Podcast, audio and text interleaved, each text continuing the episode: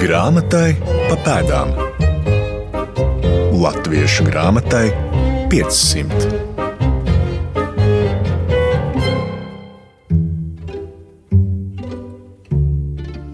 Raidījuma ciklā grāmatai pa pēdām esam nonākuši līdz 18. gadsimta beigām. Iepriekšējās nedēļas stāsta galvenais varonis, vācu filozofs un rakstnieks Johans Georgs Hāmenis, bija garīgais skolotājs filozofam un pirmajam latviešu tautas dziesmu apkopotājam Johanam Gotfrīdam Herderam, par kuru stāstīsim šajā reizē. Nemēģinot vienā raidījumā izstāstīt visu par Herdera mantojumu, Pievērsīsimies viņa paša tolaik varbūt pat neapzinātajam devumam latviešu valodas un kultūras attīstībā, pirmajam pamanot latviešu tautas dziesmu nozīmi un vērtību. Mans vārds ir Māra Rozenberga, un Herdera nospiedumus latviešu kultūrā izzināsim kopā ar Latvijas Nacionālās bibliotēkas vadošo pētnieci Beatu Paškevicu un filozofu Raivi Bičevski. Grāmatai pa pēdām.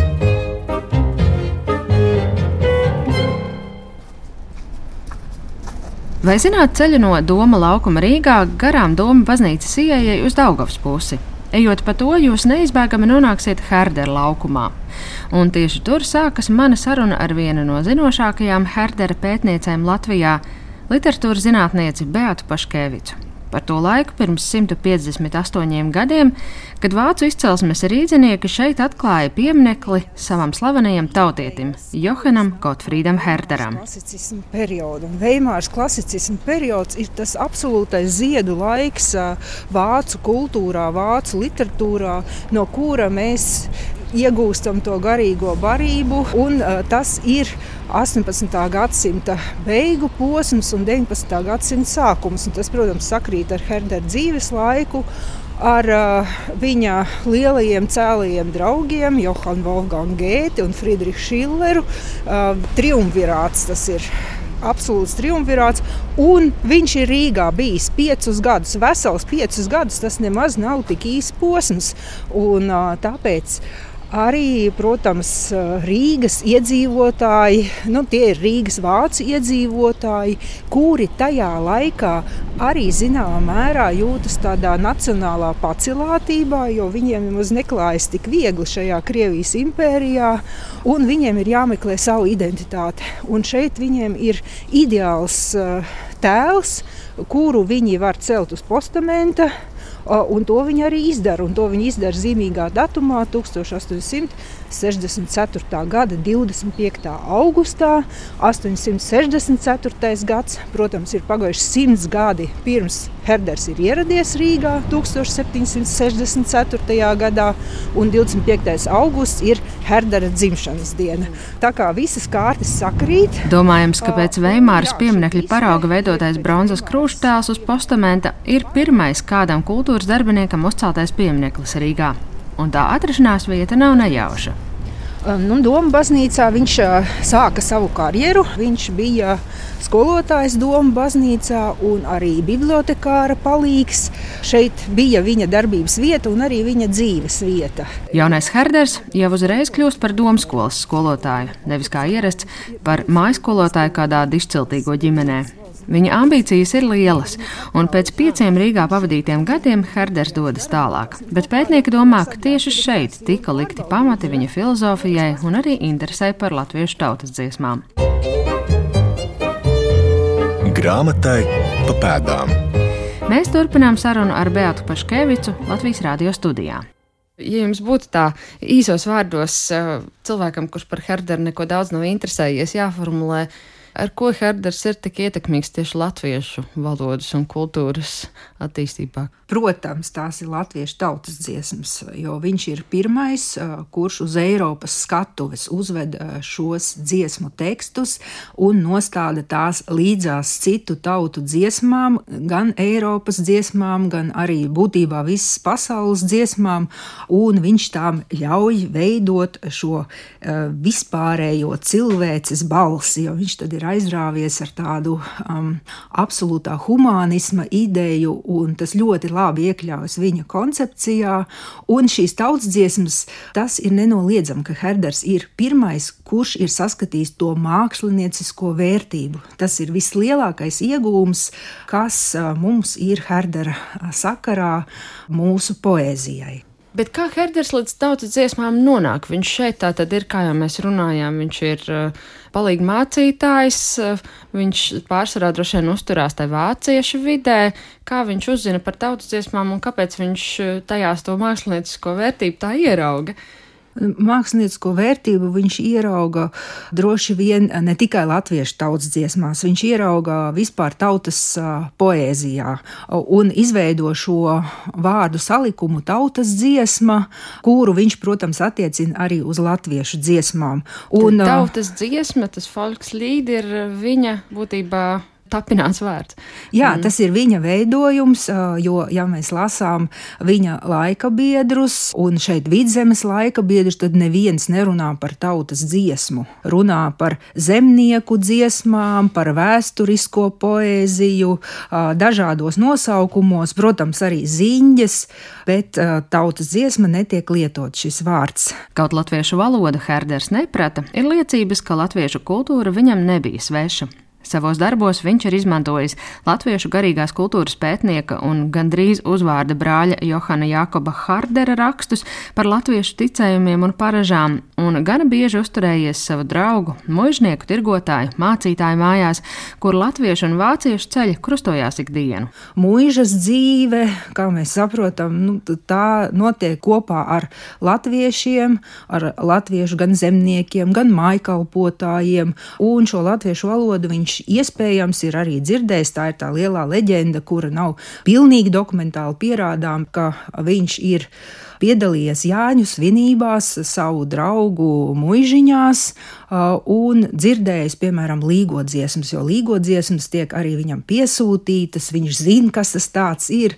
Tā kā jā, šī kultūra viņam bija visapkārt, viņš elpoja to būtībā. Protams, katram iebraucējam, katram ienācējam šeit, tas ir jautājums, cik tālu viņš grib ar šo kultūru iepazīties, cik viņš grib tai ļauties. Kāds bija Hartera gadījumā, vai viņš arī to latviešu valodu, piemēram, mācījās pats, un cik tālu viņš saprata vispār, kas tajās tautas dziesmās ir teikts? Jā, viņš par tādu jūsmu tālāk tomēr netika, jo tā plašā pasaule viņu vilināja, un, protams, viņa tautas dziesmu krājumā ir visdažādāko tautu dziesmas, un, lai kļūtu par mācītāju šeit, vidzemē vai arī kurzemē, tad bija jāprot latviešu valoda. Un par lauku mācītāju viņš nevēlējās būt. To viņš raksta arī savam draugam, Johanam Georgam Hāmanim, jo šāda lauku mācītāja karjera viņu nevilināja tajā laikā, kas, protams, ir arī saprotams, jo, kad viņš atstāja Rīgu, viņš nokļūst šajos plašajos Eiropas uh, ūdeņos, kļūst par Veimāras ģenerāla superintendentu, vai ne, un pēc tam viņš jau var rakstīt uz vidzeme vēstules, un savukārt vidzemnieki viņu ļoti ciena, apbrīno par to, ka viņš ir šajā Veimāras vidē mazzinātājiem Veimāras superintendents, ģenerāls superintendents nozīmē ko tajā laikā? Tas nozīmē baznīcas galva, Lutāņu baznīcas galva, galvenais administrators, galvenais pārvaldnieks. Tiesa gan tautas dziesmas Herders Rīgas laikā vēl nesāk vākt, un kā barons pa Latviju nestaigā. Doma par dažādu Eiropas tautu dziesmu apkopošanu viņam rodas vēlāk. Tās tiek vāktas no dažādām grāmatām, ceļojumu aprakstiem, bet attiecībā uz latviešu tautas dziesmām talkā nāk personīgas atmiņas, vecie Rīgas sakari un, kā šodien saka, attālinātā darba iespējas. Herders lūdz vidzemes mācītājus šīs tautas dziesmas vākt un nosūtīt viņam. Šobrīd uh, Berlīnas valsts bibliotekā retuma nodaļā glabājās 80 teksti, kas ir latviešu tautas dziesmu daļa. Šie tautsdziesmu teksti Herderam tiek atsūtīti tādā veidā, ka ir oriģināla teksts un līdzās tam ir tā dēvētais parindenis. Jā, un, protams, ka Herders ņem talkā šos parindeņus, jo latviešu valodu viņš neprot. Un tad veido savu dzēju. Tā kā, protams, ka arī šajā tautsdziesmu krājumā tā ir Herdera interpretācija par latviešu tautsdziesmu, bet jāsaka, ka šis stils un tāds nervs, viņš to ir dabūjis. Tagad jūs lasat Herdera atzējot latviešu tautsdziesmu, jūs varat uzreiz to oriģināli saprast savā galvā, kas tas ir bijis sākotnē. Jā, piemēram, tēvu tēvi laipas meta, bērnu bērni laipotāji. Ļoti labi skan arī vāciski. Fētā, fētā, bānen vēgē ihre Kinder folgen nach. Protams, latviešu tas ir vēl poētiskāk un vēl lakoniskāk izteikts, bet arī Heders saglabā vismaz šo ritmu, un tas jau ir ļoti daudz. Latviešu tautas dziesmas kopā ar citu tautu dziesmām nāk klajā 1778. un 79. gadā Herdera krājumā Tautas dziesmas, un vēlreiz jau pēc viņa nāves 1807. gadā izdevumā Tautu balsis dziesmās. Atklājam tekstus! Pašas tautas dziesmām un parindeņiem aprakstītās lapiņas, ko vidzemes mācītāji savulaik sūtīja Herderam, šodien glabājas Berlīnas valsts bibliotekā, īpašās Herdera kapsulās. Un Beata Paškevica kopā ar Āju Taimiņu no Latvijas Universitātes akadēmiskās bibliotekas veikusi īstu detektīvu darbu, pētot sūtītāju rokrakstus un mēģinot noskaidrot autors, jo lapiņas gluži vienkārši nav parakstītas. Tas ir būtībā viens no latviešu kultūra vēstures tādiem Šerloka Holmsa jautājumiem, ja, kurš tad bija tas, kas Herderam sūtīja šīs dziesmas. Līdz šim brīdim pilnībā visi teksti, arī tie, kas glabājas Berlīnas uh, valsts bibliotekā, nav zināms, kuri ir bijuši tieši sūtītāji.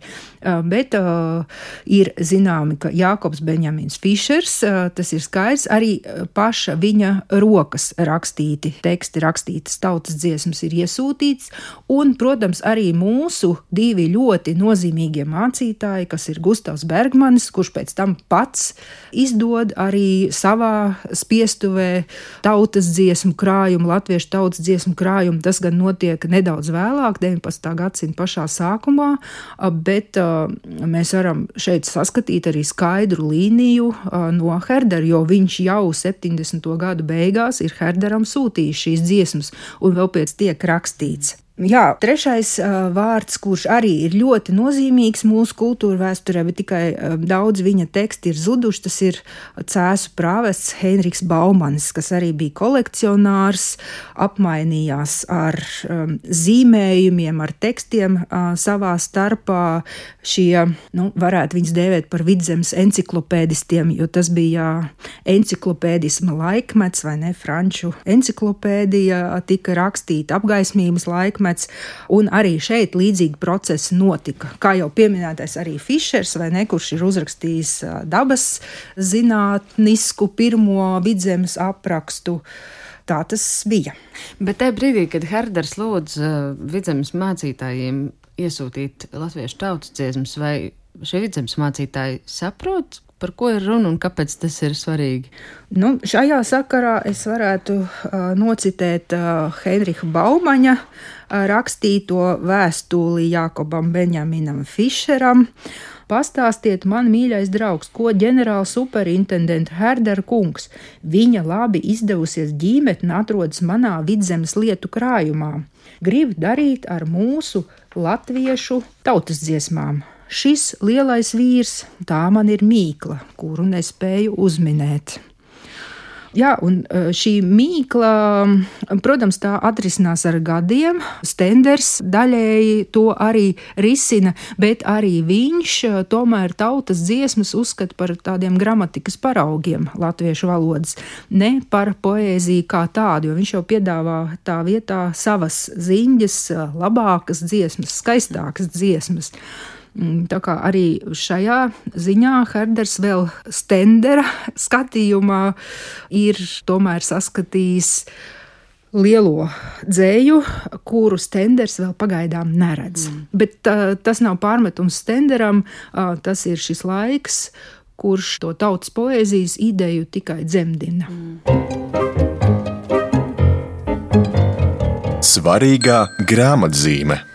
Apcerēt visu Herdera mantojumu vienā raidījumā nav iespējams, bet, lai saprastu, no kurienes jau 18. gadsimta beigās aug kājas viņa interesē par latviešu tautas dziesmām, vērts pieskarties Herdera filozofijas pašiem pamatiem. Filozofs Raivs Bičevskis savulaik sastādījis rakstu krājumu Vienotība un atšķirība - Johana Gotfrīda Herdera filozofija. Kad jautāja, ar ko Bičevskim ir interesants Herders, viņš atbild pirmkārt ar savu savdabīgo un ekspresīvo valodu un pārdomām par valodas nozīmi. Skaidrs, ja mēs palūkojamies tādās encyklopēdijās un jā, izziņu izdevumos, ka, ja mēs sakām Harders, jā, tad tur mēs redzēsim viņu dēvē par filozofu, kurš pievērsies nu, valodai, pirmām kārtām, bet nu, arī vēsturei, arī nedaudz dabai tomēr. Bet tas valodas akcents ir ļoti liels. Bet nu, es gribētu teikt, um, Herders kā valodas domātājs, kā filozofs, kas īpaši pēta un, un pievēršās un domā par valodu, tāds domātājs ir saprotams. Tomēr mēs saprotam, kāpēc viņš vispār valodai pievēršās, ja mēs palūkojamies uz to, kā viņš skatās vispār uz dabas evolūciju un, un cilvēces vēsturi. Tā ir viņa ideja par to, ka ideja var pastāvēt tikai valodā. Ja? Nu, es gribētu pat drīzāk teikt tā, ka mūsu domāšanas veids ir visciešākā veidā saistīts ar to, kā mēs runājam. Tas ir, ka valoda ir nevis kaut kas sekundārs, ja, tātad mums ir kaut kādas tīrās, bezvārdiskās domas, kuras mēs mēģinām artikulēt, ja pateikt valotiski, ietērpt vārdos, bet valoda pati kā tāds liels universs ir, ir kaut kas tāds, kas ģenerē domas, ja, vai kurā tās domas ir drīzāk jau iekšā, ja tikai mēs iemācāmies šo valodas lielo universu nedaudz tuvāk apgūt un iepazīt. Kas galu galā ir tas Herdera lielākais nu, mantojums, ja mēs tā varam Jā. teikt, kas eh, ierindo viņu kopā ar Gēti un Šilleru tajā triumvirātā, kā Beata to nosauc? Jā, visdrīzāk būtu jāsaka, ka viņš pavērš visu mūsu kultūras perspektīvu uz to, ka mēs dzīvojam pasaulē, kura ir attīstībā, kura ir vēsturiska. Viņa laika biedri vēl apgaismotājs liecās lielā mērā vēl uz tādu, nu, es gribētu teikt, diezgan statisku pasaules skatījumu. Jā, Herders ir viens no tiem, kas vispār lūkojās uz realitāti kā tādu, kas ir mainībā. Tas varētu šķist tā, nu, vienkārši, ja palūkosimies uz, uz lietu vai arī veselu tautu likteņiem, kā tiem, kas ir nevis tādi kā pat laban, bet ir veidojušies, ir tapuši, un tiem ir arī vēl nezināma nākotne, nākotnes perspektīva. Citiem vārdiem, viss, kas pastāv gan dabā, gan vēsturē, gan individu dzīvēs, viss ir vēsturiskā procesā. Tad laiks, es gribētu teikt, ir tā lielā universālā dimensija, kurā Herters skatās uz realitāti. Un to brīdi tā nebūtu nav tā ģenerālā un visiem pieņemamā perspektīva. Jā, vairāk joprojām vēl tajā brīdī zinātnes un filozofi orientējās tādām ļoti statiskām pasaules nu, ainām, mm. jā, kas nāk vēl no platonisma, no Platona un, un klasiskiem Eiropas zinātnes modeļiem, jā, kur tā ir kaut kāda statiska, fundamentāla struktūra, kas ir nemainīga. Herders skatās uz visu ļoti dinamiski. Kā jūs domājat, vai tā viņa interese par laiku un par valodu ir arī kaut kādā mērā saistīta ar to, kāpēc viņu interesē latviešu tautas dziesmas? Jā, pat vistiešākajā uh, veidā saistīta. Es gribētu teikt, ka nu, vispār tur tāda piebilde par uh, Herdera uh, gadiem Rīgā. Viņš savāca visdažādākos iespaidus, pieredzi, sarunas ar cilvēkiem, Un no šī, varētu teikt, sākotnējā materiāla, viņa personiskās pieredzes, pat šķiet ļoti tādām intīmām, subjektīvām lietām, ko grūti varbūt pat otram pastāstīt. No šī materiāla viņš rada tādu savu pirmo domas uzmetumu, kas ir eh, viņa ceļojuma žurnāls no Rīgas uz Nanti. Un uh, Rīgas, bet gribētu teikt, tomēr nu, Latvijas kultūra telpas iespaidi ir tie, kas arī viņu vedina domāt par realitāti tādā kustībā, un procesā un dinamikā. Nu, proti, ir jau gan apšaubīts tas fakts, ka viņš pie Juglas ezera ir skatījies, kā latvieši dejo ap uh, Jāņu ugunskura, un tomēr ja arī pat tā izrādītos tāda vēsturiska konstrukcija vai tāds mīts par Herderu, kurš vēro latviešus pie ugunskura, tad tomēr viņam bija iespēja šeit redzēt kādu kopienu, kādus cilvēkus, kādu kultūru, kura tajā brīdī, protams, nebija tā vienkārši integrējama un nesakrita ar tādu mm, eiropeiskās um, pilsētu kultūras tādu paraugu, uz ko orientējās Eh, tobrīd viņa paziņas un draugi apgaismotāji. Tur viņš pēkšņi ierauga un pamana, un tas varbūt bija tāds liels atklājuma mirklis, ka cilvēki dzīvo atšķirīgi. Varētu teikt, tā ļoti ikdienišķa ja, pieredze, bet tajā brīdī viņš pamana, ka eh, šo cilvēku paražā, šo cilvēku dziesmā, šo cilvēku uzvedībā var redzēt nevis kaut ko primitīvu, bet drīzāk sākotnēju. Ja, tā pārēja no primitivitātes pie sākotnējuma. Varbūt tas arī ir svarīgi to uzsvērt. Tas ir, ka viņš pamana, ka šī kultūra dzīvo savu dzīvi, ka tā nav obligāti, kā lai saka, jācivilizē, jāpieradina, jāieliek tādā dotā to brīdi apgaismības domātājiem pieņemamā urbānā vidē. Un šī, šis atklājums viņam atver acis vispār uz cilvēces vēsturi, ka tur ir daudz e, šādu kultūru, kas dzīvo savu vēsturisko dzīvi, attīstās. Kad, nu, kā viņš raksta, katrai kultūrai ceļš un svētlaimība ir tajā pašā. Tas ir, ka nevajag katrai kultūrai skatīties uz kādu citu un obligāti tai līdzināties. Tās pašas īstā dvēsele un gars mājo tajā pašā. Tas, un tas attīstās vēstures gaitā. Viņš pamana, ka latvieši varētu būt tāda viena autohtona kultūra, kuras gars un dvēsele ir tajā pašā, un tie, viņus nevajag īpaši padarīt par apgaismības standarts. Vecais to mēģināja. Ja tagad viņš audzinās latviešu, kur nekā nezina, nekā nesaprot, nu taču viņi kā mazi bērni. Ja? Vedīs viņus pie gaismas. Jā, pie gaismas. Jā, un Herders šo paradigmu lauž. Ja? Tā tad eh, nevis viņi ir jābed pie gaismas un kultūras, bet jāpamana, cik viņu pašu kultūra ir kaut kāda attīstības noteiktā fāzē, kurai ir tālākie gan jau posmi, un arī šī kultūra ir viena, kā viņš raksta, cilvēks, ja viņš saka, humanitātes veids. Tā tad viņš atdod, varētu teikt, kultūrām to nu, dvēseli, jā, un nepasludina visus par audzināmiem un peramiem bērniem. Tad tas viņa tautas dziesmu krājums nav gluži tāda vienkārši interese par eksotisko un uh, maz zināmo. Un, mēs... Nē, es gribētu teikt, uh, ka tas ir mēģinājums, ja mēs redzam arī kādā kontekstā viņš tās latviešu tautas dziesmas ieliek. Jā, viņš taču savāc vai ne tajā krājumā dažādu Eiropas tautu dziesmas un teikas un vispārējo, ja tur skandināvas hāgas un, protams, nedaudz gan fiktīvie, bet tomēr ķeltu kaut kādi dziedājumi vai ne, oceāna dziedājumi un, un vēl citi paraugi. E, viņš grib redzēt tik tiešām, kā viņa krājums vēlāk tiek nosaukts, ne tautu balsis, tautu dziesmās, jā, ka katrai tautai ir sava balss, e, un tas ir Herders, kas to pamana. Līdz laikam, kad tautas dziesmu vākšanu sāks jaunatvieši, tobrīd vēl ir gandrīz simt gadu. Kā rakstu krājumā Herders Rīgā raksta folkloriste un pētniece Dace Bula, Herdera filozofija, atsevišķas viņa domāšanas līnijas, 19. gadsimtā kļuva par pamatu vērtējumiem un skaidrojumiem, ko savai tautas dziesmu tradīcijai veltīja latvieši paši. Pa Johana Gotfrīda Herdera pēdām latviešu kultūrā šodien devās Māra Rozenberga. Paldies maniem sarunbiedriem! literatūras zinātniecei Beatai Peškevicai un filozofam Raivim Bičevskim. Paldies arī raidījuma padomdevējiem Latvijas Nacionālajai Bibliotēkai un Latvijas Universitātes Akadēmiskajai Bibliotēkai. Nākamnedēļ dosimies pa pēdām aristokrātei un dziniecei Elizabetei Šarlotei Konstancei Fonderrekei uz Baltsgrāvis mūžu Jēlgavas pusē un lasīsim Ielīzes 12 svētas dziesmas latviešu valodā pārtulkotas. Grāmatai pa pēdām. Latviešu grāmatai 500.